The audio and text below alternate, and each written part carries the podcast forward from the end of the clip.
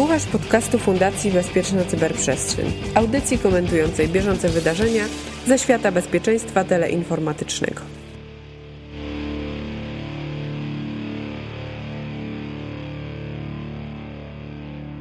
Słońce świeci, monitory świecą, świecie cyberbezpieczeństwa nie ma zastojów. O tym, co się wydarzyło w ostatnich tygodniach, porozmawiają e, Łukasz Jachowicz, Cyprian Gutkowski, Mirek Maj z Fundacji Bezpieczna Cyberprzestrzeń.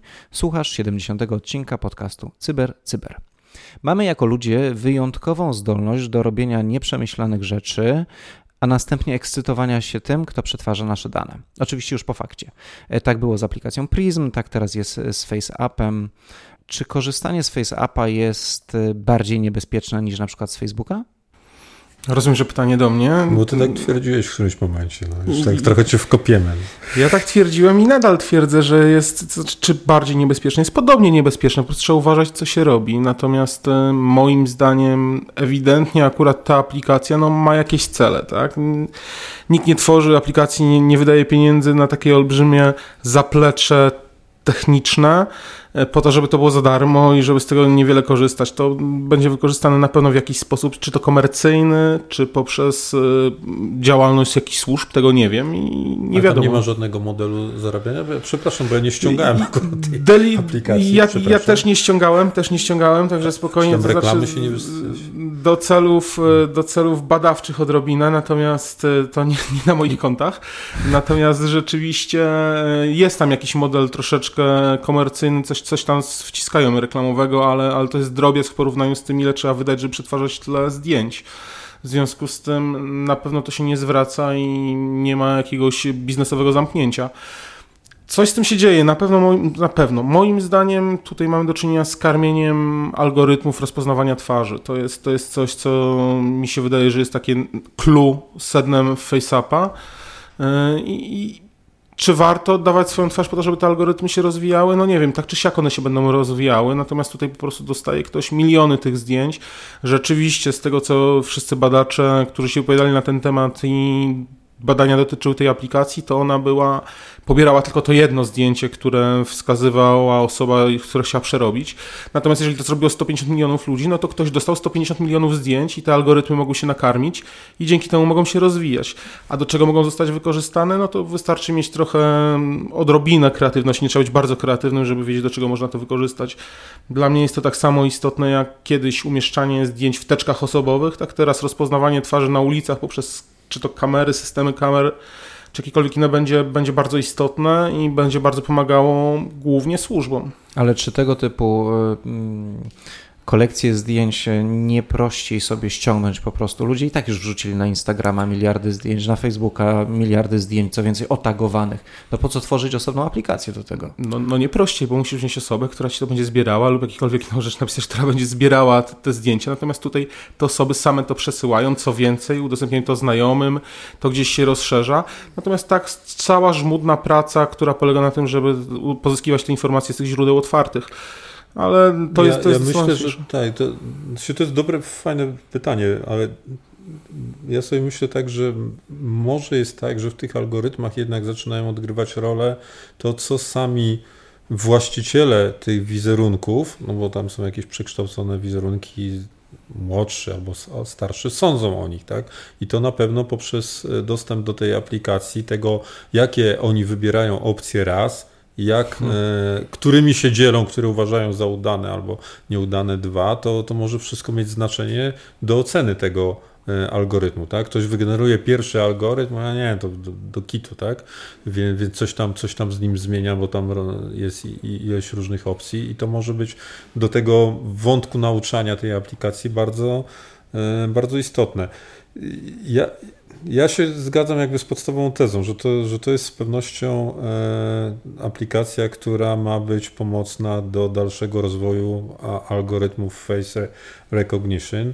No i tu rzeczywiście jest kluczowe pytanie, po co to się e, robi, bo można sobie różne scenariusze. No oczywiście ten najbardziej gorący, który wszyscy obieg internet, to jest Rosjanie za tym stoją i, i, co, i coś tam e, robią.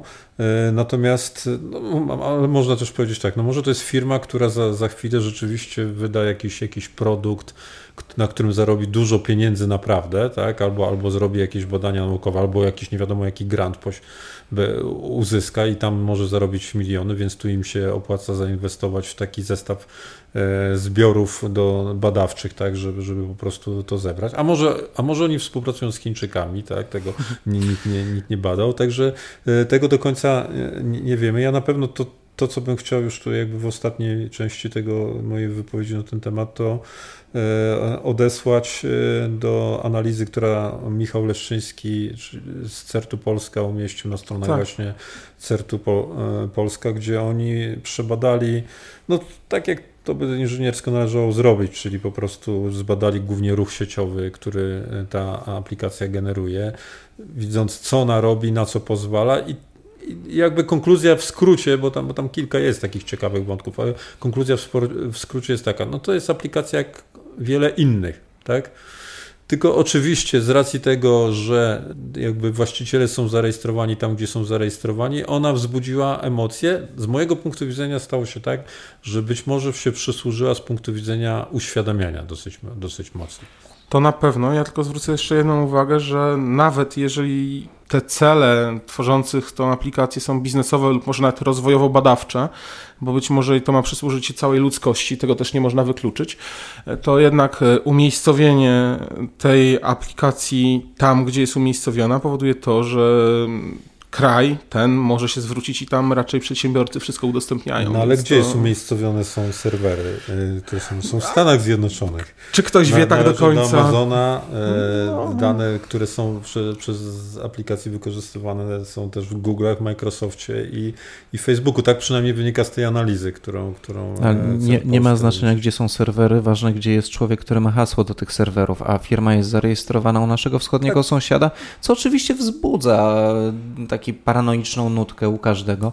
E, swoją drogą to, to jest przepiękny przypadek, jak e, jeden tweet potrafi wywołać ogólnoświatowy atak paranoi.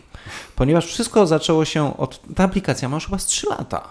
I wszystko się zaczęło od tego, że po pierwsze była reklamowana, i ktoś, kto sobie ją ściągnął zainteresowany tą reklamą, puścił tweeta: Hej, ona strasznie długo ładuje te wszystkie zdjęcia, ona na pewno je wszystkie ładuje do internetu. I od tego się zaczęło. Ten człowiek już wycofał tą swoją, znaczy przeprosił za to, że tak, no, taką, taki tweet puścił, ale mleko się rozlało i nagle wszyscy rzucili się na jakąś, być może Bogu ducha winną aplikację. Być może tak jest, ale czy są znaczy, Bogu ducha winne aplikacje? Te pytania, te pytania na pewno zostaną i rzeczywiście no, stąd taka lek, lekka panika, y, dlatego no, że są takie miejsca na świecie i, i, Federacja Rosyjska czy Chiny należą do, do tych miejsc, gdzie no, w szczególny sposób traktuje się w cudzysłowie współpracę y, sektora prywatnego z sektorem rządowym. Nie dlatego, że ten sektor prywatny jest taki skłonny i skory do tej współpracy, bo w większości miejsc na świecie raczej nie jest, tylko po prostu jest do niej przy, przy, przymuszany, znowu używając słowa w, w cudzysłowie. Tak? Bądź nie. Proszę? Bądź bez cudzysłowów. Tak. E, jest, jest przymuszany po prostu e, prawnie. No i wtedy takie, takie wątpliwości, takie, taka lekka panika jest uzasadniona. Chociaż ja bym zupełnie na przykład nie odłożył na bok tego, że ta, bo nawet wczytując się w tę analizę, o której już wspominałem, to, to nie jest tak, że tam wszystko jest takie, takie ok, bo, bo na przykład ta aplikacja sięga do, do danych, e, które o, o, o zdjęciu, tak, o metadanych, które mhm. absolutnie nie są potrzebne do, do tego, żeby wygenerować e, taki obrazek postarzony czy E, czy osoby w teoretycznie młodszym, e, młodszym wieku, więc zbiera więcej informacji niż jest to e, potrzebne i, i tak naprawdę też nie jest wyjaśnione do czego. W ogóle taki dla mnie trochę lekko komiczny był, był przypadek, gdzie, gdzie twórcy tej aplikacji zaczęli się tłumaczyć z tego, że to wszystko jest, jakby nie ma z czym się niepokoić i zapewniali sami, że to nic nie odbywa się w Federacji Rosyjskiej.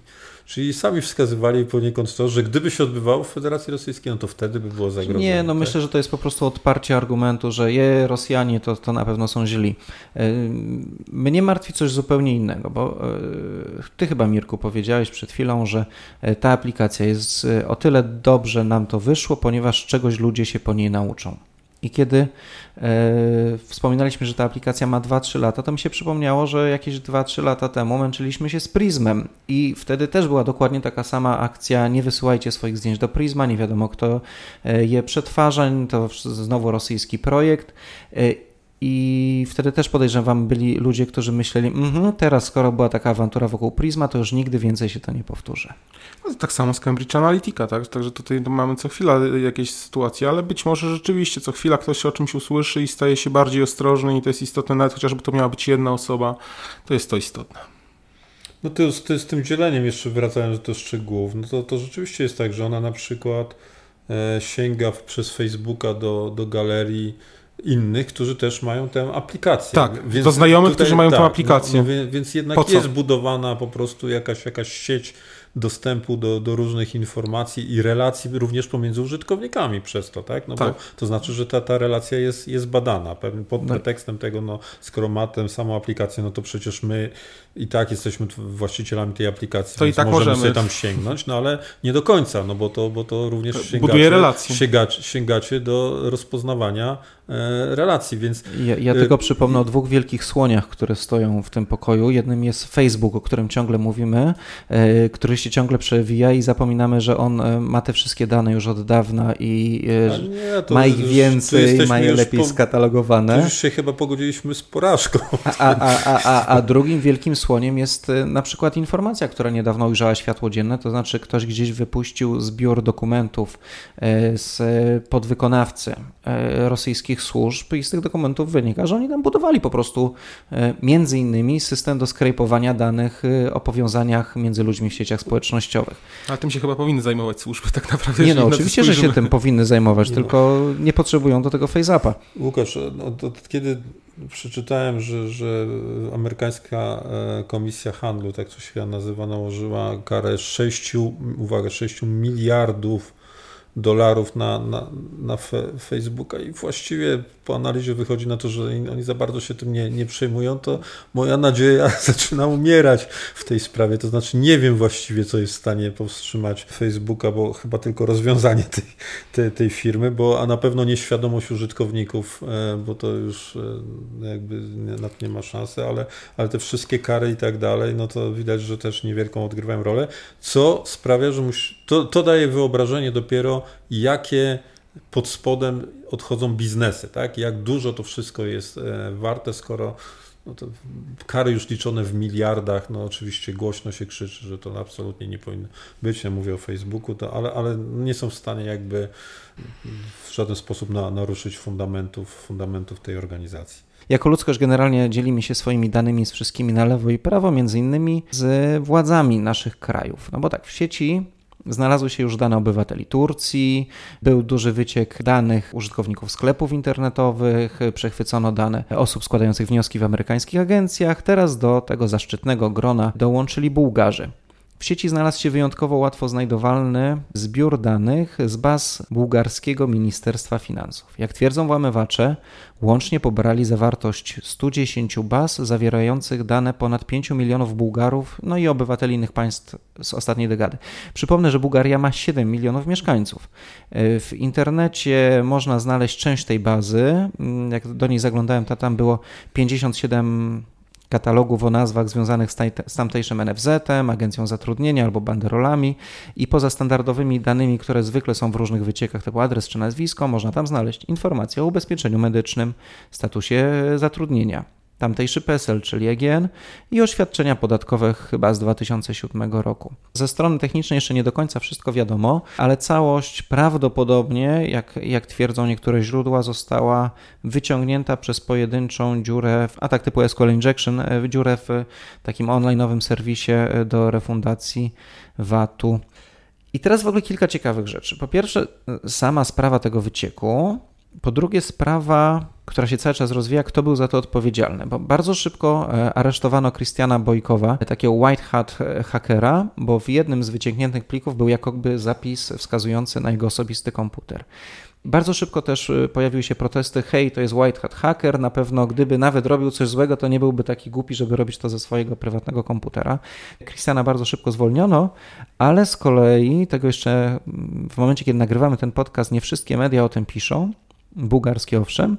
Aresztowano jego szefa i zwolniono za kaucją 10 tysięcy euro a prokuratora grzebiąca po komputerach firmy TAT Group, która zatrudnia tych dwóch ludzi, podobno znalazła na tych komputerach adresy e-mailowe 500 tysięcy użytkowników dużego bułgarskiego serwisu webmail razem z hasłami. I robi się bardzo ciekawie, no bo mamy firmę zajmującą się chyba bezpieczeństwem, e, która ma różne dane na swoich dyskach, jak to różne firmy zajmujące się e, bezpieczeństwem. Mamy potężny wyciek, e, ktoś wskazuje tęże oto firmę. Nie wiemy tak naprawdę, kto jest winny, nie wiemy, nie, nie chcemy chyba tutaj oceniać, prawda, bo to, to, to nie jest nasza rola, jest jeszcze troszkę w ogóle na to za wcześnie, ale po pierwsze w ogóle to jest strasznie ciekawe, że nagle wypłynęły dane, które powinny być dość poufne i dość nieźle strzeżone. Tak naprawdę co chwilę mamy y, teraz do czynienia, bo prawie już teraz w każdym odcinku chyba o jakimś wycieku danych mówimy. Ja trochę się zaczynam obawiać, czy to nie będzie trochę jak e, woda po karczce za chwilę i mimo tego, że narasta nam ten problem, bo mamy coraz e, poważniejsze wycieki, poważniejsze dane. Dla mnie, jak analizowałem e, ten przypadek bułgarski, to jedna rzecz jest ciekawa, która jest takim może wskazówką na przyszłość. Mam nadzieję, że mogła być wskazówką na przyszłość, bo ja tutaj zauważam zupełnie inny poziom determinacji w ściganiu sprawców niż przy okazji tych wszystkich innych wycieków. Bo przypomnijmy sobie ostatnie wycieki, czy to Marriott, czy to British Airways czy jakiekolwiek inne, to firmy prywatne i właściwie to, o czym rozmawialiśmy przy tych przypadkach, to była kwestia kar. Jak to e, instytucje europejskie czy, czy jakieś e, uprawnione organy krajowe zaczynają nakładać e, kary, ale jakoś nikt po prostu nie koncentrował się na tym, kto to zrobił. A tutaj mamy zupełnie inaczej, tak? Wszyscy jednego aresztowali, tego zwolnili, za chwilę drugiego aresztowali. A Kara dlaczego? też jest. Wiesz, jaka no, jest no, kara? kara tak, 10, 10 milionów euro no, na no Ministerstwo to, Finansów, tak. nałożona przez u, u, tamtejsze UODO, które parę miesięcy temu też wyciekało dane użytkowników swojej strony internetowej. Ale na kogo oni nałożą tę karę? Na Ministerstwo, no, Ministerstwo Finansów, Finansów tak? które będzie musiało ją do budżetu państwa wpłacić. No, bardzo ciekawe. To jest tro, trochę trochę gorzej niż płacenie podatków z, z emerytury, tak? Ale niewiele gorzej. No ale wracając jakby do sedna, zgadza się, jest dobra, jest też wątek kary, ale niemniej jednak jakby dysproporcja pomiędzy tymi wątkami kary w tamtych przypadkach czy w tych a dysproporcja pomiędzy tym, na ile my rozmawiamy o tym, kto za tym stoi, kogo ścigano, kogo aresztowano i tak dalej, jest zupełnie inna. Tutaj jednak jest znacznie więcej. I ja sobie tak pomyślałem, że może dobrą nauką i postulatem mogłoby być, żeby właściwie ten, e, tą siłę, którą przykładamy do, do tego wątku ścigania, no, za każdym razem przykładać, tak? że, że to jest też ważne, to, to ściganie i nie tylko dlatego, że została skompromitowana instytucja rządowa, no to nagle służby po prostu uważam, zaczynają aresztować. Okazuje się, że wszystko można ustalić. Tak? Najczęściej słyszymy po prostu w takich przypadkach, nie w internecie, po prostu to wszystko da się zakamuflować, wszystko zatorem i tak dalej. A tutaj nagle po prostu w tym przypadku aresztowanie za aresztowaniem, prawda? Więc chyba jednak te, te możliwości, gdzieś tam prawda jest pośrodku co do tych zdolności do aresztowania. Znaczy ja mam wątpliwości, bo strasznie szybko te aresztowania nastąpiły, więc y, mi się zwykle włącza wtedy lampka alarmowa i czy to nie chodzi o kozła ofiarnego, e, ale z y, drugiej strony może by wprowadzić taki, taki postulat, zaproponować naszym decydentom europejskim, że może by wprowadzić obniżenie kary o 50%, jeżeli zostaną złamani włamywacze. I wtedy firma, która jest y, ofiarą, że tak powiem, będzie wolała zainwestować jedną dziesiątą swojej kary w rzeczywiste prowadzenie ścigania, procesu Z, ścigania. Złamani w sensie skutecznie złapani czy złamani? Złapani. Złapani. A, nie, nie, złapani. Nie, nie łammy już, nie, nie. Do, do... No, znaczy to, to już średniowiecze, łamanie kołem, te sprawy. Nie, no złapani. No bardzo dobry, bardzo dobry pomysł moim zdaniem. To zde, zdecydowanie, jeżeli, y, jeżeli ktoś by się wykazał determinacją w złapaniu e, przestępców, to powinno być to jako daleko idąca e, sytuacja, takie dla zrozumienia sytuacja dla zrozumienia tego poszkodowanego i e, jako okoliczność łagodząca. To mi się podoba, tak, to jest dobry pomysł. Znaczy ja oczywiście już mam, w, w, już sobie wyobrażam, jak to będzie omijane e, do obniżania sobie kar i tak dalej, ale to nie będę się... A zostanie ochotnik znaleziony, tak? Aha, no za, słuchaj, no za, jeżeli na przykład masz karę typu, tam, ile tam teraz jest, 5 miliardów? dla Facebooka? 6 mhm. miliardów? 6 miliardów? No to obniżenie o 3 miliardy, to nawet jeżeli 1 miliard dasz komuś, żeby poszedł do więzienia na parę lat, podejrzewam, że znajdą się chętnie. No widzisz, to zaproponowałeś dobry pomysł i od razu go skompromitowałeś. Cóż, no, przejdźmy dalej. Nie, nie, będziemy uciekać daleko geograficznie, bo do Kazachstanu. Mm. Wiesz, jak to daleko jest? Do Bułgarii jest aż no pięć razy bliżej niż... Znaczy, ja przyznam, że w Bułgarii byłem raz, a nad Kazachstanem leciałem wiele razy, więc ten Kazachstan zawsze mi się trochę bliżej wydaje z tego powodu, ale masz rację, e, tak. E, e, ale w internecie dystans jest bardzo bliski, to są milisekunda w te, milisekunda we w te. W Kazachstanie użytkownicy internetu ostatnio spotkali się, jednego z dużych operatorów spotkali się z bardzo ciekawą rzeczą. Kiedy próbowali wejść na jedną z 37 stron internetowych, na liście już wykryto, że jest Facebook, Google, Twitter, YouTube, Instagram, w kontakcie e, email.ru. Systemy nie zawsze im się chciały połączyć i czasem dostawali do zainstalowania certyfikat, taki root certyfikat rządu kazachskiego, żeby sobie zainstalować na komputerze. Kiedy ten certyfikat był instalowany, to nagle te strony z powrotem bez problemu po HTTPS-ie działały. Co o tym sądzisz? No, sądzę, że rząd kazachski zbudował bardzo sprawny system e, PKI dla swoich e, obywateli. A tak na poważnie. No oczywiście daleko idące e, działania cenzorskie. Oczywiście zapewne znasz to wytłumaczenie, że, które zostało podane, że to jest oczywiście dla, jak zwykle dla bezpieczeństwa obywateli, żeby ich uchronić przed atakami hakerskimi.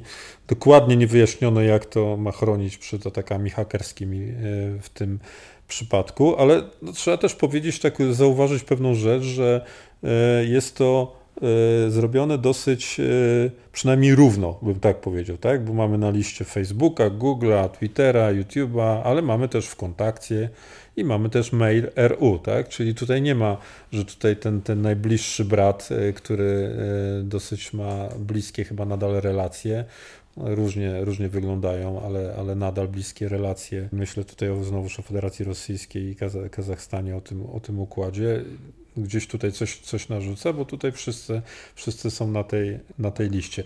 No te kraje, niestety ten region Azji Centralnej chyba y, przoduje w, w zapędach cenzorskich i w rzeczywistym takim na masową skalę, no już Chiny wyłączą, tak, no, ale, ale tutaj y, tego, z tego regionu, który no dlatego się nim interesujemy, bo on czasami aspiruje, dosyć często nawet aspiruje do kręgu cywilizacji kultur, kulturowej, w której my się znajdujemy. Gdzieś tam by bliżej mu e, do, do, tych, do tych struktur europejskich, tak przynajmniej deklaruje od czasu, od czasu do czasu, a okazuje się, że w, ty, że w tych krajach, bo tam są jeszcze inne przypadki tego, co się może dziać w Tadżykistanie, Kirgistanie i tak dalej, no to pokazują, że tam są mocne zapędy do tego, żeby kontrolować i utrzymywać ten system władzy, już niezależnie jak bardzo on jest autorytarny i na ile na jednym czy tam jakiejś, jakiejś grupie osób bazuje, żeby w ten sposób kontrolować, e, kontrolować obywateli. Obawiam się, że problem polega na tym, że dla, dla dużej grupy tej obywateli to, to ma niewielkie znaczenie I, i przypuszczam, że częściej to my w naszym podcaście albo jakieś organizacje typu Reporterzy Bez, Bez Granic albo inne organizacje, które badają zakusy cenzorskie w różnych miejscach świata, tym się interesują niż sami obywatele albo jakieś grupy aktywistów e, w tych krajach. Pewnie znaczy, ze znanych względów też. Wydaje mi się, że w Kazachstanie już była kiedyś próba podobnego działania i wtedy y, właśnie aktywiści sądowo to wszystko poblokowali. No pytanie, czy się uda po raz drugi. A dla mniej wtajemniczonych technicznie użytkowników y, root certyfikat to jest takie coś, y, co mówi komu, na czyje certyfikaty szyfrujące przeglądarka nie powinna reagować protestem i jeżeli kiedykolwiek zostaniecie poproszeni, poproszeni o zainstalowanie takiego certyfikatu w swojej przeglądarce, na przykład kiedy korzystacie z internetu w kafejce internetowej, nigdy przenigdy tego nie róbcie. A na pewno przynajmniej sprawdźcie ścieżkę certyfikującą, która te, ten certyfikat w sobie powinien mieć zapisany. Krótko mówiąc, w dużym skrócie nigdy tego nie róbcie. Jeżeli e, wasz serwis IT wam tego sam nie instaluje, to nie próbujcie tego robić samodzielnie.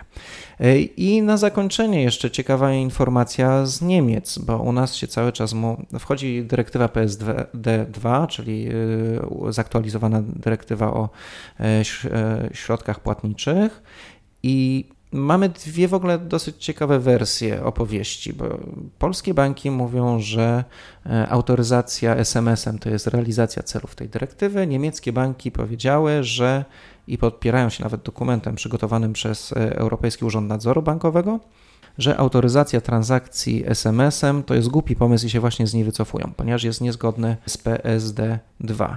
I to jest dosyć ciekawa informacja, bo jednocześnie są błędy nienaprawialne w protokole przesłania danych do telefonów komórkowych i SMS-y da się podsłuchać, ale przestępcy działają w dużo prostszy sposób. Po prostu idą do kiosku operatora telekomunikacyjnego w dużym centrum handlowym i mówią: Dzień dobry, zgubiłem kartę SIM, pomocy, dajcie mi nową. No i w momencie, kiedy mają kartę SIM człowieka, którego dostęp do banku już przejęli, mogą autoryzować transakcje. I w ostatnich tygodniach firmy z Wielkopolski straciły 718 tysięcy złotych właśnie za pomocą tego SIM swapu. Złodzieje sobie kupili za to złoto. Dobra inwestycja?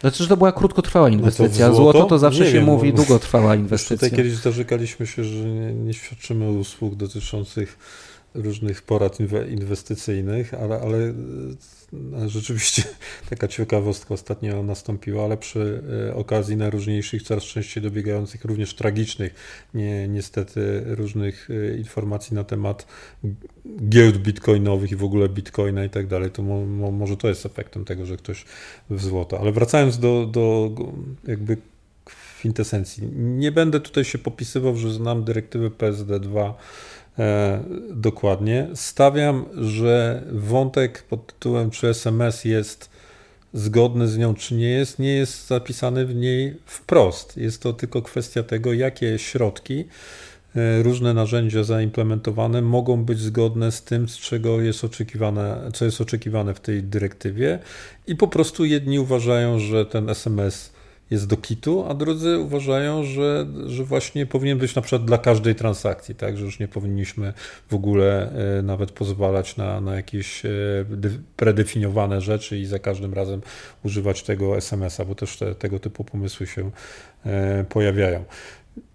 Nie wiem, ja nie, nie potrafię tego powiedzieć. To tak jak przez lata było o kwestii częstotliwości zmiany hasła, tak i tak dalej. No, raz na miesiąc minimum, tak, a teraz, a teraz wiadomo, że, że daje się taką rekomendację, że zbyt częsta zmiana może w konsekwencji prowadzić do osłabienia tego systemu stosowania e, hasła. Więc tutaj cały czas się trendy zmieniają. Ja nie potrafię tego ocenić. Ja zawsze jednak trochę mam zaufania do banków, bo one, no, jeżeli jakąś głupotę wprowadzą, e, to po prostu najczęściej szybko zostają same ofiarami tej, tej, tej głupoty, po prostu to szybko im się jakby odzwierciedla w tym, w tym, co nie wiem, jak są atakowani, ile tych pieniędzy tracą, jak dużo ich później kosztuje obsługa, obsługa handlowa, e, obsługa prawna na przykład tego. Natomiast zwracam uwagę, i to jest może ważny wątek, znowuż nie wiem, tak nie od czasu do czasu sobie rzucamy takie hasło, że może warto by było jeszcze tutaj kogoś zaprosić i pogadać, bo to jest bardzo ważna dyrektywa, z której z tego, co do mnie od czasu do czasu głosy docieka, e, do, do, docierają, to to jest dyrektywa, która pozwala na dosyć dużo bankom, jeżeli chodzi o kwestię monitorowania układu bezpieczeństwa w celu eliminacji ryzyka, tak? albo znaczy obniżania ryzyka.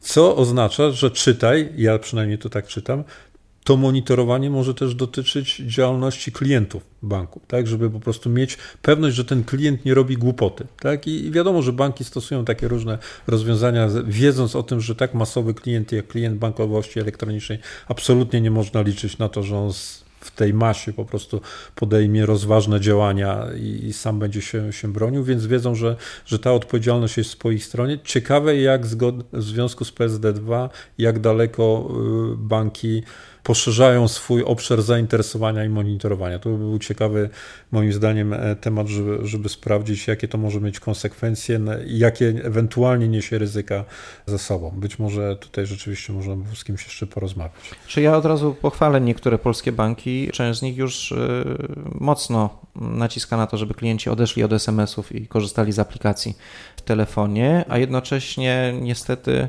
mimo iż o błędach związanych i problemach związanych z bezpieczeństwem SMS-ów y, wiadomo od dawna, to jestem bardzo niepocieszony tym, że polskie państwo, projektując system ePUAP i te wszystkie y, serwisy, gdzie kontaktujemy się z administracją publiczną, ciągle e, właściwie wyłącznie za pomocą SMS-a potwierdzamy, podpisujemy cyfrowo te swoje dokumenty, mhm. jeżeli nie mamy certyfikatu kwalifikowanego i to jest moim zdaniem już wtedy, kiedy to budowano, wiadomo było, że to jest błąd.